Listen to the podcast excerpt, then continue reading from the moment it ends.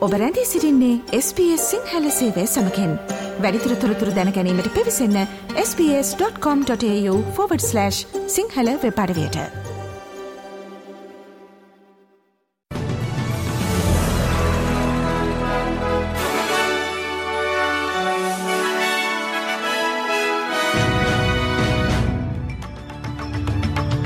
අද නොවැම්බර් මස දාහතර වනදා අඟහරුවාදා SBS සිංහල සේවේ ප්‍රවෘතිගෙනන මම දිනේශා දිල්රුක්ෂී විජේසූරිය.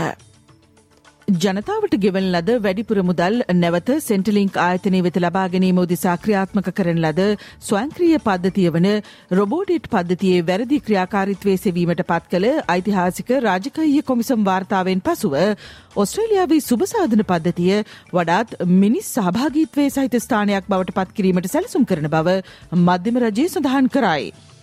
රාජකීය කොමිසම් වාර්තාවේ නිර්දේශ පනස් හයම ක්‍රියාත්මක කිරීම සඳහා වසර හතරක් පුරා ඩොල මිලියන විසි දෙකක් වැය කරන බව රාජ්‍යසේවා අමාත්‍ය බිල්ෂෝටන් පවසයි. කම්කරු රජයක් ඇටතේ මේ නැවත සිදු නොවන බවටද ඔහු වැඩිදුරටත් පවසා සිටියේය. Probate, as members of the House will know, was a cruel and crude mechanism. It was neither fair nor legal. It made many people feel like criminals. It was costly in both human and economic terms. So today the Albanese government says never again. සිසුන්ට චීන භාෂාව ඇතුළත් විභාග ප්‍රශ්නපත්‍ර ලබාදීමේ සිදුවීමක් නිසා Victoria ප්‍රාන්ත විභාග අධිකාරිය නව චෝදනාවකට මුහුණදී සිටී. Victoria ප්‍රාන්ත උසස් පෙළ විභාගය වන VCE විභාගය සඳහා පෙනී සිටි සිසුන් හයතනෙකුට චීන භාෂා ප්‍රශ්නපත්‍ර වැරදි ලෙස ලැබීමෙන් පසුව මෙම තත්වය උද්ගතව තිබේ. වික්ටෝරයානු ප්‍රාන්ත අධ්‍යාපන අමාත්‍ය බෙන් කැරුල් විසින් මේ පිළිබඳව පරීක්ෂණයක් පවත්වන ලෙසට නියෝග කර තිබේ. මෙය පසුගිය මාසේ පැවති VCE සාමාන්‍ය ගනිත විභාගේ ප්‍රශ්පත්‍රවල පැවති මුද්‍රණ දෝෂ වාර්තාවීමේ සිදුවීමට පසුව වාර්තාවුණු දෙවන සිදුවීම වේ. ක්වීන්ස්ලන්ත ප්‍රාන්තයේ සමහර භයානක ලෙසට සැලකෙන සුනක අභිජනන තහනම් කිරීමට නීති ප්‍රතිපාදන සැකසේ. ප්‍රාන්ත පාර්ලිමේන්තුව නැවත ආරම්භ වූ විට මේ සම්බන්ධ නවනීති සභාගත කිරීමට නියමිතයි. එම නීති යටතේ මෙම භයානක කාණ්ඩයට අයත් සුනකයන්ගෙන් සිදුවන ප්‍රහාර සඳහා හිමිකරුවන් හට සාපරාධී නීති ක්‍රියාත්මක කෙරේ. පිට්බුල් ටෙරිය ඇතුළු සුනක වර්ග පහක් මෙම නවනීති සම්පාදනය තුළ තහනම් කිරීමට අපේක්ෂා කරන අතර බරපතල කාණ්ඩේලා සැලකෙන සුනක ප්‍රහාර සඳහා වසර පහක් දක්වා සිරදනුවම් සහිත නවනීතියක්ද මෙයට ඇතුළත් වන බවට වාර්තාවේ.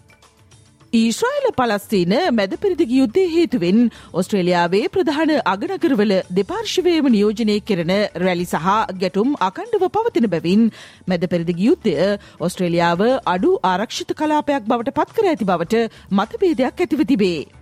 රිසෝල් නම්වන මෙම මතවිමසුමෙන් ඔස්ට්‍රේලියාව අඩු ආරක්ෂිත ස්ථානයක් බවට සියයට තිස් හයක් විශ්වාස කරන අතර සියයට තිස් දෙකක් එසේ නොවන බවට ප්‍රකාශ කොට තිබේ. මෙරට පාර්ලිමේන්තුව තුළද මේ පිළිබඳව උණුසුම් විවාදයක් ඇතිව තිබේ.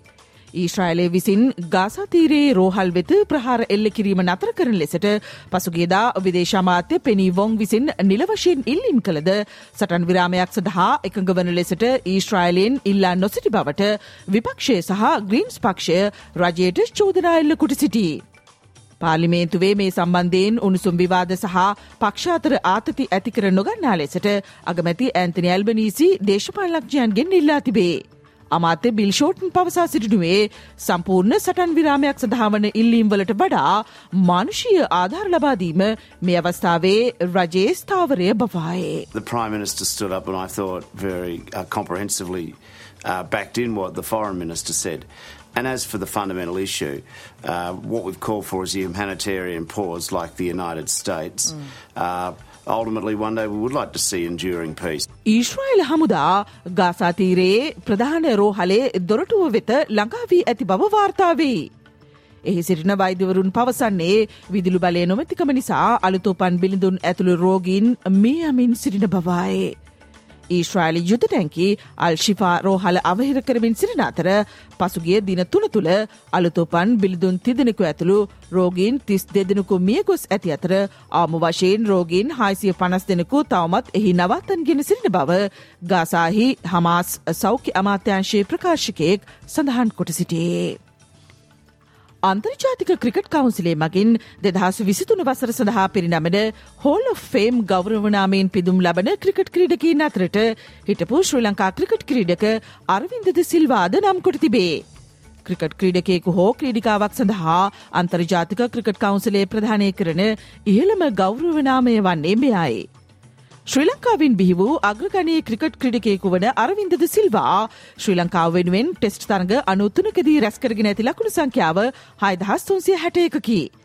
එක් දින තරග තුන්සිය අටකදී ශ්‍රී ලංකාව නියෝජනය කළ අරවින්දද සිල්වා ලකුණු නවදහස් දෙසිය අසූ හතරක් රැස්කරගෙන තිබේ. ලෝකුසලාන ක්‍රිකට් තරගාවලියේ ඉන්දියාව සහ නෙදරලන්තේ අතර පැවති තරගෙන් ඉන්දියාව ලකුණු එකසිය හැටක ජයග්‍රහණයක් අත්පත් කොටගෙන තිබේ. මුලින්ම පන්දුවට පහරදුන් ඉන්දියාව කඩුළු හතරකට ලකුණු හාරසිය දහයක් ලබාගත් අතර පිළිතුරිනිම ක්‍රඩා කළ නෙදර්ලන්ත කණ්ඩෑම සියල්ලන්ම දැවී ලකුණු දෙසිය පණහක් රැස් කළහ.